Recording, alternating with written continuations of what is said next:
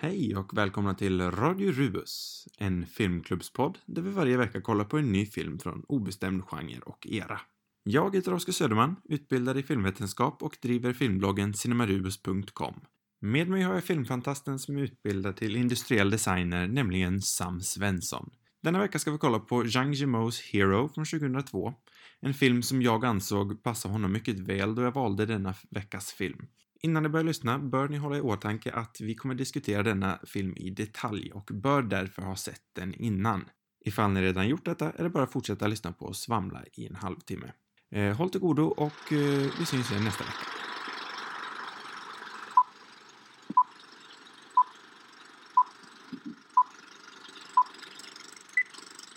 Ska vi börja? Men, ska vi... Ja, jag vet inte, hur börjar vi den här gången? nu börjar vi bara att... Ja, Hej Sam Svensson! Mm. Va? Vad Denna för- vecka ska vi prata om Zhang Yimous Hero. Den här veckan säger jag Jimo, inte Jimu, som jag tror jag sa förra veckan. Har du lärt dig? Jag har lärt mig. Jag har läst. Bra. Jag Bra. insåg att fan kinesiska, det är kanske inte min grej. Mm. Så då kollade jag på en YouTube-video. Hur uttalar man Zhang Jimo? Ja. Jag hade rätt på Zhang och det var det jag var mest osäker på. ja men det är bra. Mm. Eller ja. Vad tyckte du om Zhang Jimous Hero från 2002? Mm. Oj, det var... Jag måste känna, känna mig lite delad där, måste jag säga. Mm, jag med. Jag är inte... Eh, lite, jag var lite besviken, tror jag. Mm, jag men också det. den hade ändå mycket också. Det, jag vet inte, jag känner mig nog väldigt... Eh, ja, den var inte... Den var inte toppen, men den, den hade mycket bra också.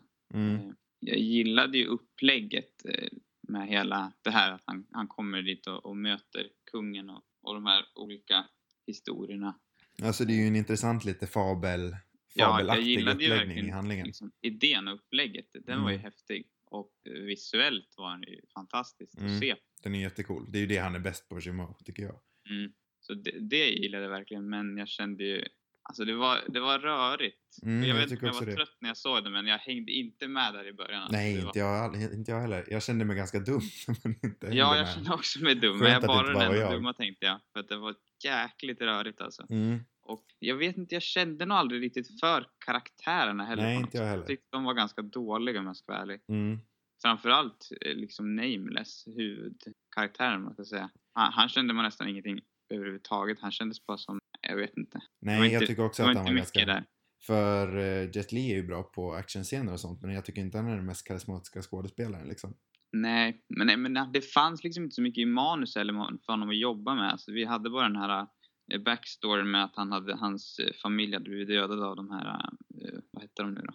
Mm, Queen-styrkorna, precis. eller ja, militären. Mm. Eh, det var ju nästan det enda vi fick på honom egentligen. Ehm, så att det var, det var en stor svaghet tyckte jag. Ja, nej, för man tänker, eh, han har jobbat väldigt mycket med, eh, nu ska jag försöka uttala det här också, Wen Zhang, han som spelar Base Malbus i Star Wars eh, i Rogue One.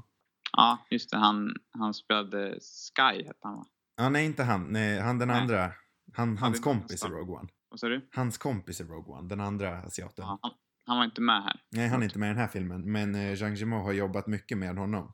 Mhm. Eh, Mm. I hans första film, i- Zhang Yimous första film, eh, Red Shorgum, så Mm. är han med. Eh, och han är ju mycket mer karismatisk skådespelare Mm. än vad Jet Li är. Ja. Sen så är ju det här, det är ju inte en roll som är riktigt uppbyggd för att vara karismatisk, men jag kände Nej. ändå att man saknade det lite. Ja, ja, jag tror det. Eller det är så, alltså det skulle ju kunna funka med, med Jet Li tror jag. Alltså med en sån, eh, alltså hans karaktär, den skulle kunna funka. Det är bara att den saknar, det saknar så mycket handling på något sätt. Man vet ingenting om honom. Nej, precis. Men Man- väl- man blir ju bara inslängd i en handling mitt i liksom. Ja, men det är inte så mycket, det, oftast så får man ju liksom spår på någonting om honom. Alltså man får liksom ingen uppfattning om honom som människa känner jag. Att, Nej, precis. och man vet inte vad, det, vad, vad som driver honom egentligen. Nej, inte alls. Han är bara en Han är ju en docka för actionscener liksom. Ja, och en docka för de andra karaktärerna kan man väl på sätt och vis säga också. För Mm. han, Precis. det är ju egentligen vad de gör med honom. Det är inte något, jag vet inte. Jag hade ju hellre sett en film med typ eh, Donnie Yen istället. Han som Mm. dog först. Mm, ja, det var Sky ja. Ja, precis. Ja. Jag kan inte någon karaktärsnamn i den här filmen. Nej, men jag var tvungen att läsa en, en text efteråt för att liksom få koll på alla, alla eh, allt vad som hände för någonting. Ja, jag läste också igenom Wikipedia en gång bara på att lära Ja. mig alla namn, men de fastnade Och inte ändå. handlingen liksom lite mer klar. Ja, Jag var inte med, eller alltså jag förstod väl att det var ju hela tiden det här att veta vad, vad som var verkligt och, och vad som inte var verkligt och det var hela tiden historier liksom, men man, jag var inte riktigt med på, det var väldigt oklart. De flöt ihop på något vis. mm. Alltså det är ju jättecoolt som koncept det här med att ha en eh, opålitlig berättare och ha eh, en samma historia från olika perspektiv. Mm, Men jag tyckte inte riktigt att det funkade. Den känns ju väldigt själlös som vi redan har sagt. mm. Ja, jag tycker också idén är bra, men det vart rörigt på något sätt så man, man förstod inte riktigt vems röst det var tror jag. Alltså, Nej. Som jag hängde inte, det var ju en version däremot eh, som var, som var kungens version. Mm, eh, senare i filmen. Vilken är det? Är det den mörka, alltså den svarta? Eller den gråa eller vad man ska jag har noll. Nej, inte jag heller. Men, Nej. men då var det liksom inte tydligt att det var hans version. Eller jag vet inte, jag hängde nog inte riktigt med på det då tror jag. Jag fattade nog inte riktigt. Jag hängde inte, på, jag hängde inte med på när det var vems version riktigt. Nej. Det var lite så här, det var lite svårt. Jag Då är om frågan var- om det här, vad beror det här på? Beror det på undertexterna? Beror det på översättningen eller är det i grundspråket det är ganska otydligt? Kan man ju undra. Mm, det var det jag kände mig alltså osäker på om det är liksom att det är ett språkproblem, att man inte hänger med av den anledningen. Det skulle För det är ju kunna vara. ganska rapp dialog liksom. Det är ju inte en långsam. Nej, nej det är det ju. Och den är ganska, den är ju liksom underlig på något sätt. Alltså den är ju, pratar ganska underligt sätt. Mm. Eller det är inte, det är inte, det är inte ett vardagligt språk. Nej men det är ju lite gammaldags. Ja, så det kan ju också som krångla till det. Mm. Jag gillar ju idén med, alltså, och det är också en del av det visuella, hur, hur eh, snyggt, eh, liksom hur de väljer ut egentligen en färg Mm. för att representera eh, jo, men en del av historien eller en persons version och Mm. då får den liksom en färg på något sätt. Och det gör väl att man ska kunna skilja på det men jag vet inte, jag lyckades ändå inte, det vart otydligt ändå men jag tycker idén är smart och det är väldigt här, visuellt eh, estetiskt eh, attraherande. Mm. För det var därför jag valde. Jag hade ju inte heller sett den här filmen. Jag har velat sett den väldigt länge. Men jag Mm. valde den just för att jag visste hur fin den var rent estetiskt. Mm. Och jag tänkte att det kanske skulle intressera dig. Mm. Nej men det, det gillade jag verkligen. Jag, det, jag tycker om det här när man vågar eh, men liksom fokusera på en färg på något sätt. Alltså att man har, man har många färger men man delar upp det på något sätt i scener. Mm. Vilken Ja, actionscen tycker du bäst om? Mm, jag gillade nog den här, äh, den här tidiga där med, med, med Donnie Yen, hans guy. Mm. Det, den tyckte jag var häftig. Eh, det här med, med vattnet som droppar och, och harpan som Mm. spelar och, och liksom att de på något sätt hade den i, i, sina, i sina huvuden eller man ska säga innan. Innan han egentligen gjorde det här draget. Mm, den tyckte jag var precis. häftig. Även om den är, var väl kanske rent visuellt, eller den, är, den var inte lika färggrann men den var ju fortfarande visuellt eh, slående tyckte jag. Den finaste tycker jag nog är, alltså den man kommer komma ihåg mest är väl eh, den röda i de orangea löven. Mm. Men Jo. den jag tycker är finast är den på vattnet. Ja, just det. Jo, Den är den är också... Den, den var ju... Ja, men den är så sjuk på något sätt. Alltså, det, jag satt och skrattade nästan då ibland vissa grejer, för det var så, så absurt på något sätt, Ja. men ändå så vackert. Alltså jag kan inte ens förstå hur svårt det måste vara filmat det där. Nej. Nej, men det sitter man också och funderar på, vilket gör det eh, liksom kul att se också. När man vet att det mesta är praktiskt också. Ja. Nej. Den actionscenen påminner mig mest om en film jag tycker mycket mer om, eh, Crouching Tiger. Mm. Har du sett den än? Nej. Nej, jag vet Ja, det här är ju ganska okänt eh, territorium för mig. Ja. Säga. Jag har inte alls speciellt mycket erfarenhet av sådana här filmer. Så att jag tänkte att jag borde egentligen ha, ha sett den innan också så att jag hade haft någonting mer att referera till. Men nu har jag inte det tyvärr. Men den, den skulle jag gärna se. Mm. Och, Den tycker jag är mycket den bättre. Ja. Vad är det som för dig skiljer? Eller vad är det som gör den till en bättre film? Ja, men att den har karaktärer, punkt. Mm. Jag tror Mm. det är det. Ja, det är, det är det som är så synd. Alltså, det är väldigt tunna karaktärer alltså, Mm. på något sätt. Och jag tror inte, som, det är ju de här två, alltså vad ska man säga, vad heter Broken Sword och eh, vad heter hon nu då? Eh, ja, jag minns inte vad hon heter för någonting, men det är kärlekspar eller man ska säga. Mm. Den, deras historia, eller man ska säga, den hade kunnat blivit mycket mer intressant om jag hade hängt med eh, mer på det. Men jag förstod nog inte riktigt Alltså jag tyckte det var så rörigt där så att jag vart inte heller, i den vart jag inte heller liksom emotionellt närvarande riktigt för att jag förstod nog inte riktigt historien förrän mot slutet eller när jag läste den här texten om filmen så kopplade jag mer liksom vändningarna och varför deras relation var som den var men i filmen var jag bara yr på något sätt så då Mm. var jag inte med på den alls. Eh, Men jag kan ju tänka mig att, att om man ser om filmen att man kanske känner sig mer liksom dragen till den relationen i alla fall för den är ju mer intressant tycker jag. Mm, möjligtvis, men jag vet inte om det skulle blivit mer emotionell. Nej, det vet jag inte. Men jag var liksom inte med på... Eh, jag var inte med på vändningarna på något sätt. Jag förstod inte. Nej, jag är helt med dig. Jag tänkte det var jag som var... Visserligen var jag också ganska trött när jag såg den. Men det borde ju inte hindra oss från att förstå. Generellt sett så brukar inte jag ha svårt att hänga med på filmhandlingar. Nej, jag, jag brukar nog inte heller ha det tycker jag. Det finns ändå någon typ av gräns tror jag. Att man, man måste ändå ligga på... Det får inte bli för svårt heller. Inte, inte sådana här pass grundläggande delar av filmen så liksom röriga eller suddiga. Nej, Mm. precis. Sen kan man ju ha vissa lager av film som man kanske inte till fullo förstår eller som inte alla förstår som liksom adderar någonting. Men här, i den här filmen tog pass grundläggande delar som var suddiga. Så Mm. det, det var väldigt... Man ser ju verkligen att det här är Kinas dyraste film, i alla fall vid den tidpunkten. Jag tror nästan att det är det nu också. Mm, Det är möjligt att det har toppats av någon, men det syns ju. Pengarna är på skärmen. mm, verkligen. Yes. Det, det, det är Så- häftigt att se, alltså att se, man, man kommer ju att tänka på Sagan om ringen eller någonting för att det är så storslaget ibland och ibland glömmer man nästan bort det för att det är så, vissa scener är så pass enkla man ska säga och, och andra är så storslagna. Mm, precis. Eh, Men det gillar jag. Öppningsscenerna vid slottet är ju jättefina med alla statister. Mm, ja, verkligen. Och, jo, det är mycket det här med att det är så mycket statister som får mig att tänka på Sagan om ringen tror jag. Mm. Undra om, eh, nu lämnar vi lite det här med färger, men om vi tar oss tillbaka till det. Undra om eh, den är digital, det måste ju vara digitalt framhävt. Mm, För Mm. det här är väl precis på gränsen vid den revolutionen. Mm, Jag vet att han var ganska sten, jag har läst lite grann om bakom kulisserna på den här scenen, men jag vet att han var ganska stenhård på just färgerna. Mm. Att eh, de här röda kläderna hade han, han fick inte fram rätt färg som han var nöjd med, så han typ ändrade allting i sista minuten om jag uppfattade det rätt. mhm. Alltså praktiskt då innan. Ja, precis. Så jag tror mycket är ju faktiskt praktiskt, men det vore intressant att veta om den är digitalt framhävd. Mm. Jag skulle tänka mig att det är åtminstone delvis. Det beror väl lite på. I vissa scener, ja, men de här, eh, den här röda när de slåss bland träden, de två, Mm. eh, då, då ändrar det ju färg delvis också i, scenen. Ja. där, där är vi vana. Ja, För det var också en liten sån här bakom kulisserna grej jag läste, att han var stenhård på färgerna han skulle ha på löven där. Att det tog Ja. evigheter. Eh. För det här är ju två, Oh Brother Where Art Thou kom ju 2000. Det här, är ju- eh, den här filmen är ju två år efter det. Mm.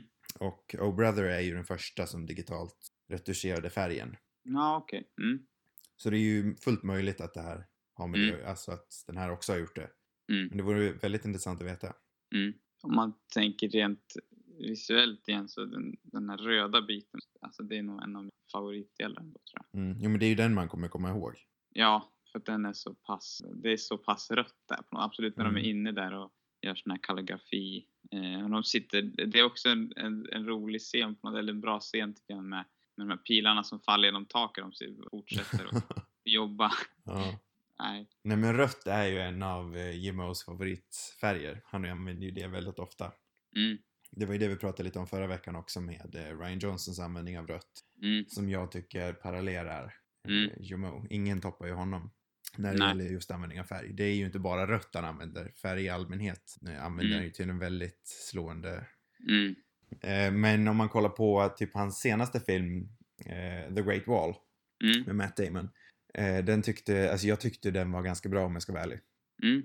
Den har inte Eh, jag sett. jag var ju men- en av min minoriteten då. Mm, Men det är en film där handlingen ändå funkar.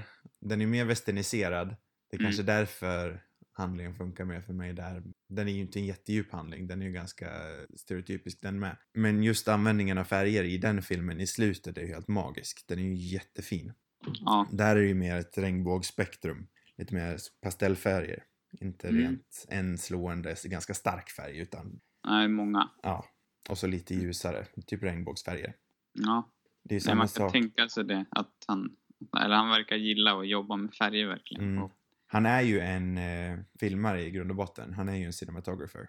ja, okej. Det var så Mm. han började. Han är ju en del av eh, den kinesiska femte generationen, som man brukar säga.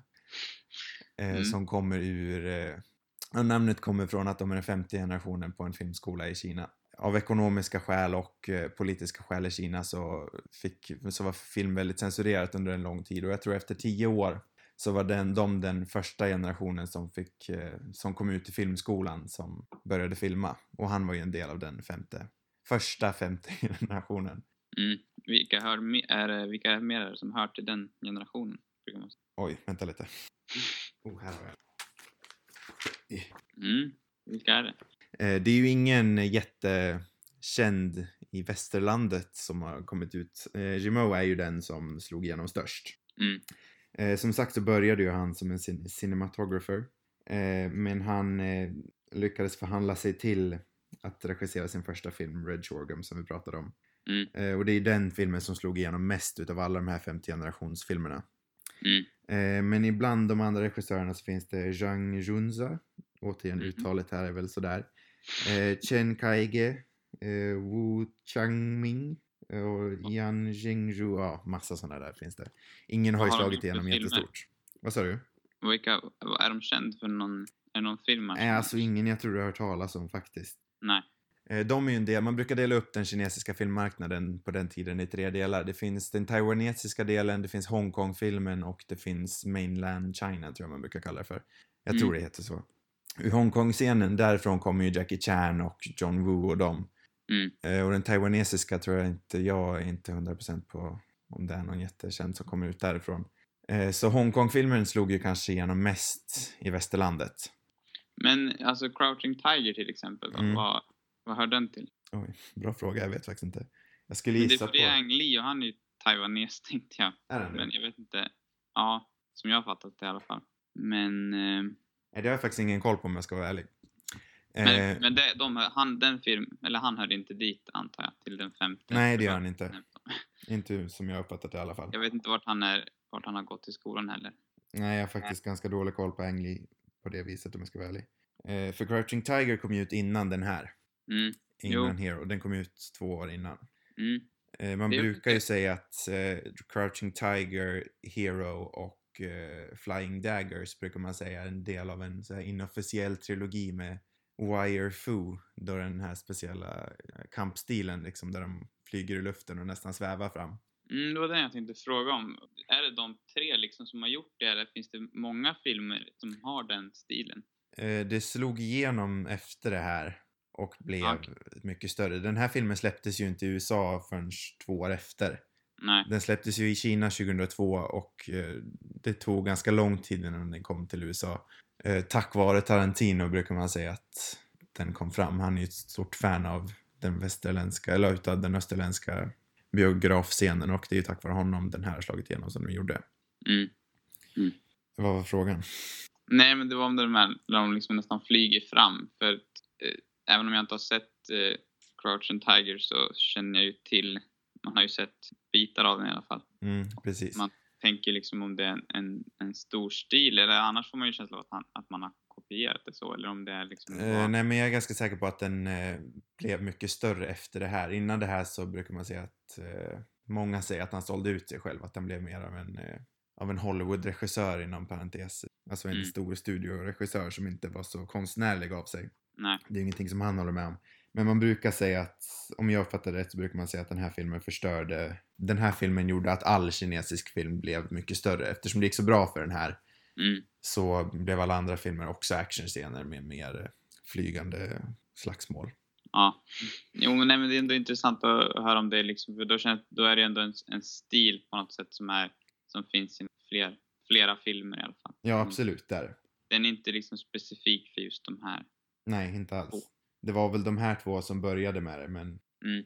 efter det här så slog det igenom stort. Det kommer ju till, alltså om man kollar på Matrix liksom så börjar ju de ganska mycket sånt här också. Det är ju Mm. inte riktigt samma sak, men den kommer De till måste mig. ju varit väldigt inspirerade, tänker man. Jo, de är ju jätteinspirerade av österländsk film. Mm. Eh, men The Matrix kom ju ut innan den här. Ja, den kommer väl innan, Den kom väl ut 99? då måste den komma innan, vad heter det, Ja, den kom ut innan Crouching Tiger med. Men är verkligen Crouching Tiger, de de första med att ha den här typen av stilen? Eller Det vet jag faktiskt inte. Som att det kanske borde vara någonting som finns sen längre tillbaka också. Eh, säkert. Men jag tror det är den första som slog igenom ganska stort Mm. över Ja. hela världen liksom. Mm. Eh, För om man kollar på, men på Hongkong-scenen liksom från 80-talet, den eh, men som Jackie Chan var med i, det var ju ganska, det var ju lågbudgetfilmer med realistiska actionscener så. Det var ju inte något super övernaturligt. Nej. Han spelar ju oftast en polis eller någonting sånt, typ i Cop Story eller, eller Police Story menar jag. Mm. Så det är ju inte så övernaturliga actionscener. Nej. Nej, men det är väldigt eh, häftig stil ändå. Och jag tycker det, eh, det är någonting med hur kameran rör sig också som stämmer så bra överens i filmen med, med just de här på något vis svävande actionscenerna. Mm. Kameran känns ofta lite sådär svävande på något sätt också tycker jag. Även om den ibland är stilla också. Men det, det, jag tycker det, det är någon typ av svävande känsla till hela filmen. Den gröna actionscenen är väl kanske den som jag eh, fick minst uppfattning av. Är det den du tänker när han ska vet du, döda kungen? Vet du, han. Den var väl kanske inte, det var nog inte någon favorit för mig men jag tyckte ändå om det här med de här skynkena som han, någon typ av drömsk känsla ändå. Och Mm. det, Vad tyckte du om slutet i allmänhet, att han inte dödade kungen? Eh, den namnlöse huvudkaraktären. ja men det tyckte jag var ett bra, det tyckte jag var ett bra beslut i alla fall. Det gillade jag. Alltså man gillar väl den idén också som han, eh, Broken Sword, hade. Det här med att, eh, han- för han ville ju inte heller att, han skulle, att kungen skulle dö utan han trodde att, vad, vad ska man säga, att, att kungen liksom kunde ena riket genom att ta över riket. Jo men så är det ju. Jag tror det är en ganska viktig film ur eh, folkligt kinesiskt perspektiv kan jag tänka mig att den här filmen känns ganska viktig. Dels för hur Mm. den slutar, att den, här, att den handlar om hur riket enades. Mm. Det är en ganska annorlunda sätt att ena ett rike kan man ju känna på sätt och vis. Att man Mm. ska, att man låter kungen på något sätt, de, de vill inte hindra kungen från att ta över hela riket och på så vis ena riket. Mm. Det, är ett speciellt sätt att se på det. Sen kan väl jag kanske tycka att det blir lite antiklimaktiskt när vår namnlöse hjälte inte... Jag hade ju velat sett actionscenen om jag ska vara ärlig. Men jag förstår ju att ur ett narrativperspektiv hur det inte funkar. Nej, Men jag blev jag ändå kände lite nog inte att jag besviken. behövde en till actionscen om jag ska vara ärlig. Jag tyck, tyckte det funkade ganska, ganska bra så. Och jag föredrar nog det slutet förra om man, sk- om han skulle ha dödat honom. Och sen, det är väl en del av hela den här idén med filmen, kinesiologin eller idén av hur, ena, hur man enar landet. Så det hade väl lossat lite. Ja, nej, det, det hade absolut inte funkat. Nej, men eh, jag tyckte nog att det fungerade ganska bra tror jag. Ja, en del av mig känner, jag känner ändå någonstans att det hade varit lite coolt att se en typ gigantisk actionscen i slottet där. Mm. Jo, ja men det kan jag förstå ändå. Men jag förstår som sagt varför det inte hände. Nej. Eh, den coolaste ur rent eh, ur ett skalperspektiv är ju actionscenen som vi pratade om tidigare utanför kalligrafi-studion där de skjuter Ja. pilar mot. Den är ju Mm. den grandaste scenen. Ja, verkligen. Den har ju en väldigt fin grandeur. Mm. Men hur Ja. känner du rent generellt? Skulle du vilja se några, några andra av Zhang Yimous filmer? Jimmo, förlåt. Ehm, Baserat på den här. ja, alltså jag Jo, del... Eller jag vet inte. Jag känner mig nog lite splittrad, tror jag. Alltså jag gillar ju... Det, alltså visuellt, på det sättet så är jag intresserad av att se mer och eh, lika... Alltså det är ju häftiga actionscener och de är ju väldigt bra så, men jag vet inte om det är tillräckligt för att jag är rädd att, att, att, det, att det är samma problem med karaktärer som jag inte egentligen känner någonting med och då, inte, det är väl det som inte lockar mig tror jag. Alltså Jag får inte den uppfattningen. Jag har inte sett alla hans filmer, men av dem jag har sett så får inte jag den uppfattningen. Jag tycker att han brukar vara mycket bättre på karaktärer än vad den här filmen är. Mm, Men det är väl för att Ja. den här filmen jobbar väldigt mycket ur mytologi, ur stereotyper. mm, mm. Jo, det är säkert det som är problemet kan jag tänka mig. Och eh, nej men jag, jag skulle fortfarande tycka att det var intressant att se, se någonting mer för Mm. att jag, alltså eftersom han är så pass stor så tänker jag mig nog att han har han har filmer där han, där han har bättre, starkare karaktärer, där han kanske har fokuserat mer på det egentligen. Jag skulle gå kanske- tillbaka och kolla på hans tidigare filmer, för den femte generationen brukar man ju säga eh, gjorde filmer om hur det var. De kom ju ur ett fattigare land och de gjorde, de gjorde filmer om, om fattighet, om landet. Men när jag säger om landet så menar jag inte land, landet Kina, jag menar landsbygden. Mm, mm, så hans tidigare filmer tycker jag är mer intressanta så, för de har bättre karaktärer, de har intressantare handling. Mm. Man kan ju, egentligen skulle man kunna dra, om man ska jämföra Jamo med en västerländsk regissör så är det väl kanske bäst att jämföra med James Cameron tycker jag. Mm. Båda två är mästare i sina yrken och numera gör de gigantiska storbudgetfilmer. Mm. Eh, som kanske inte är jätteinspirerade. Inspirerande. Eh, jag, eh, han har gjort en film med Christian Bale också. Ja, just det. Eh, Broken Flowers heter den så? Flowers någonting. Flowers of War. Någonting med Flowers heter den. Mm. Eh, den är inte heller jättebra, den är ganska tråkig tyckte jag. Men den har ju också, alltså den har ju en tydlig huvudkaraktär. Ja. Eh, Christian Bale spelar ju en präst, har jag för, nu många år sedan jag såg den. Han spelar en präst har jag för mig som fastnar i, i eh, Kina under krigstid. Och han är ju Mm. inte en, han är ju en väldigt intressant karaktär för att han är inte den här stoiska, stoiska karaktären som Jet Li är. Han har i alla fall eh, karaktärsbrister och han, ut, han har en utveckling i filmen. Han blir någonting annat. Mm. Han börjar som en sak och han slutar som en sak. Mm. En annan sak. Mm. Det kan man ju inte säga om Jet Li här. Han är ju, eller visserligen så ändras Han har ju ändå någon typ av... Alltså, jag tänker ändå att han är väl ganska inställd på att, på att han ska döda honom till en början. Så att, Jo. men- visserligen. Men jag tycker ändå man får inte riktigt, det är någonting med han som inte funkar.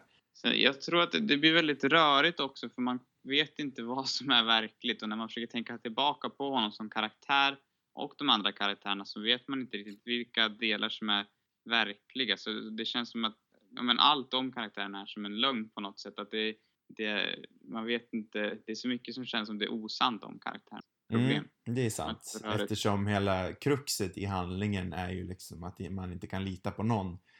Nej. Därför beter de sig annorlunda och man vet inte vilket som är sant. Det, där har du någonting. Det är nog därför man inte riktigt klickar med dem. Nej, jag, jag tror det är det som är problemet. Och det är det som är problemet med, med ja, men kärleksparet i filmen, ska säga Mm. också. För att de, deras historia, som hade kunnat varit intressant om man hade fattat alla delar mer tydligt, Mm. den blir också så att man vet inte vad som är riktigt. De dör ju flera gånger. Ja, exakt. Eh, och vet aldrig riktigt om de dör på riktigt eller om de...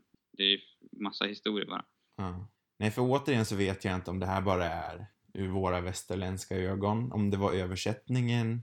Vad Nej. det kan ha varit som... För det, är- det här är ju en klassisk film som många älskar.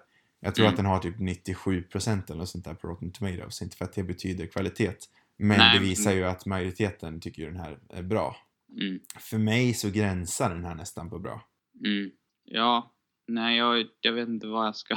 Så sen när, när man förstår den i efterhand tycker jag den blir bättre. Men jag, jag vet inte om det ska krävas att man ska läsa en text och fatta det. Eller att man...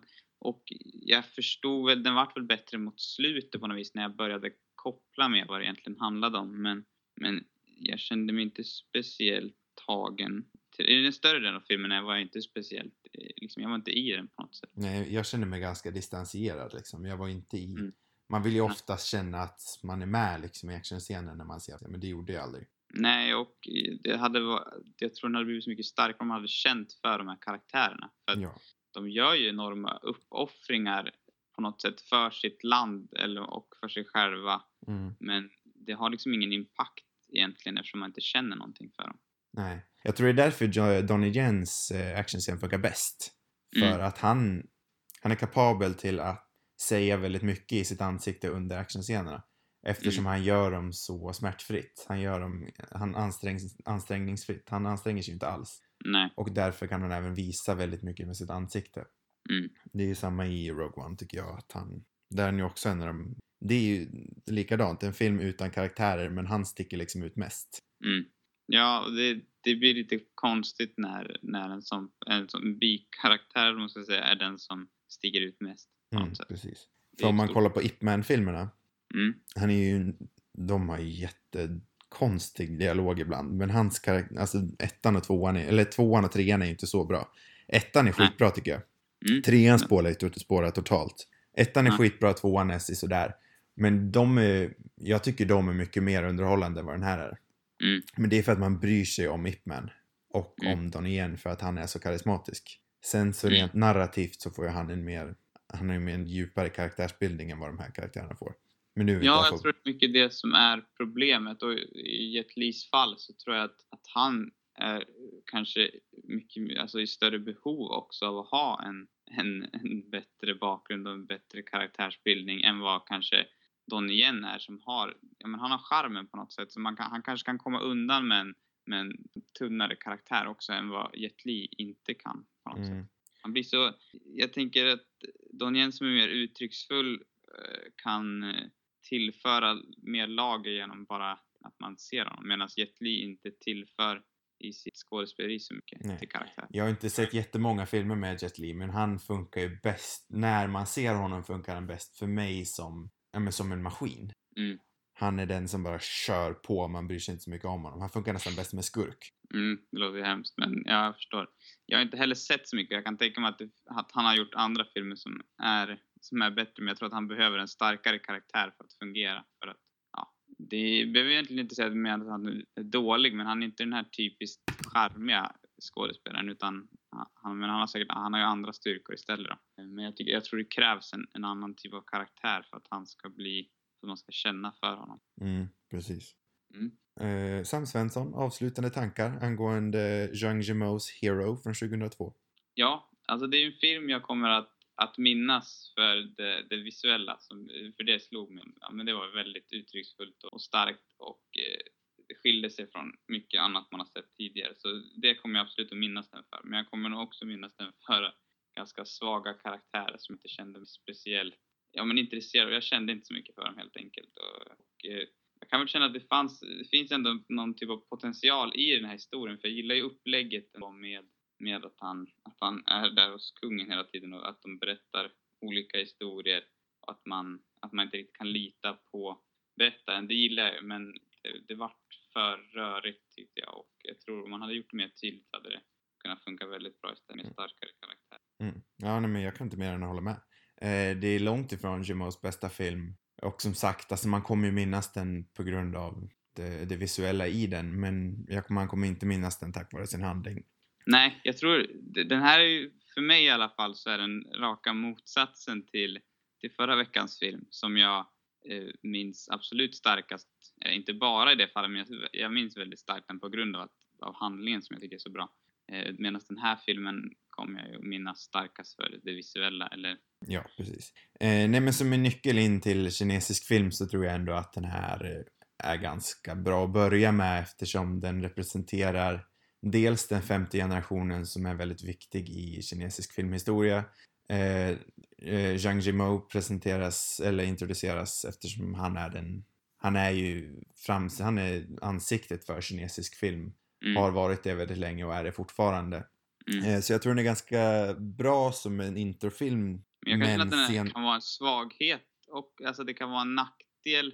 För det blir lite, eh, jag hade nog velat haft en mer karaktärsdriven tror jag som infilm på något sätt. Alltså för stilen har man ändå sett av men det här blir på något sätt, jag vet inte, jag hade nog velat haft, jag tror man behöver se en starkare men kanske starkare karaktärer för att verkligen känna sig manad till att se mer på något sätt. Eller jag tror den här, alltså man, man har väl förstått att de är skickliga på det visuella tror jag. Men jag, och, men jag tror man vill ha ett, jag skulle vilja ha, se mer som är karaktärsdrivet och bra sånt. För att jag tror det finns väldigt mycket sådana filmer som man västerlänning missar. Mm. Och eh, jag tror det är lite synd, eh, jag skulle vilja säga något annat istället.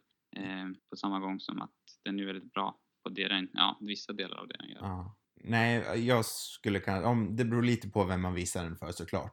Mm. Men skulle man introducera någon som har ganska mycket fördomar för österländsk film och bara vill se en bra actionrulle liksom, då skulle jag ta den här. Vill man Mm. se något lite djupare skulle jag köra på Red Shorgum eller eh, Den röda lyktan, tror jag att den heter. Eh, Mm. Det är väl, det är ju två tidiga filmer från Jimmo och som är lite djupare med bättre karaktärer. Mm, Eh, Red det, Shorgum vore väldigt intressant att prata någon gång och, om också. Mm. För den tycker jag är väldigt bra men jag skulle vilja att den är längre. Men det kan vi ta i något annat avsnitt längre fram. Mm. Nej, men jag, för, för min del så tror jag att eh, nå- något sånt tips är, är mer passande. Jag, om, jag skulle, om jag vill se en till film av honom så, så kommer jag nog välja någon av dem. För Mm. de, de låter mer intressanta, tror jag. Ja. Eller jag, tror de är bättre. Ja, nej, men som sagt så valde jag ändå den här filmen för jag hade ju inte sett den själv. Nej, Eh, nej men det det var är ju en väldigt viktig intressant film. film. att se. Eh, så jag är glad att jag såg den. Jag kommer nog aldrig se den igen. Nej, Eh, den var väldigt fin, eh, men inte så mycket mer. nej. Eh, Sam Svensson, Ja. tack för idag. är det. Tack för idag. Eh, du får nu ta och välja film så klipper jag in det snart. Just. Så hörs vi igen nästa vecka. Tack för att ni lyssnade. Och så kommer jag igen som vanligt då. Eh, nästa vecka ska vi kolla på Robert Bressons film En dödsdömd har rymt. En film som Sam Svensson valde. Så eh, vänligen kolla på denna till nästa vecka så hörs vi igen då. Tack och hej!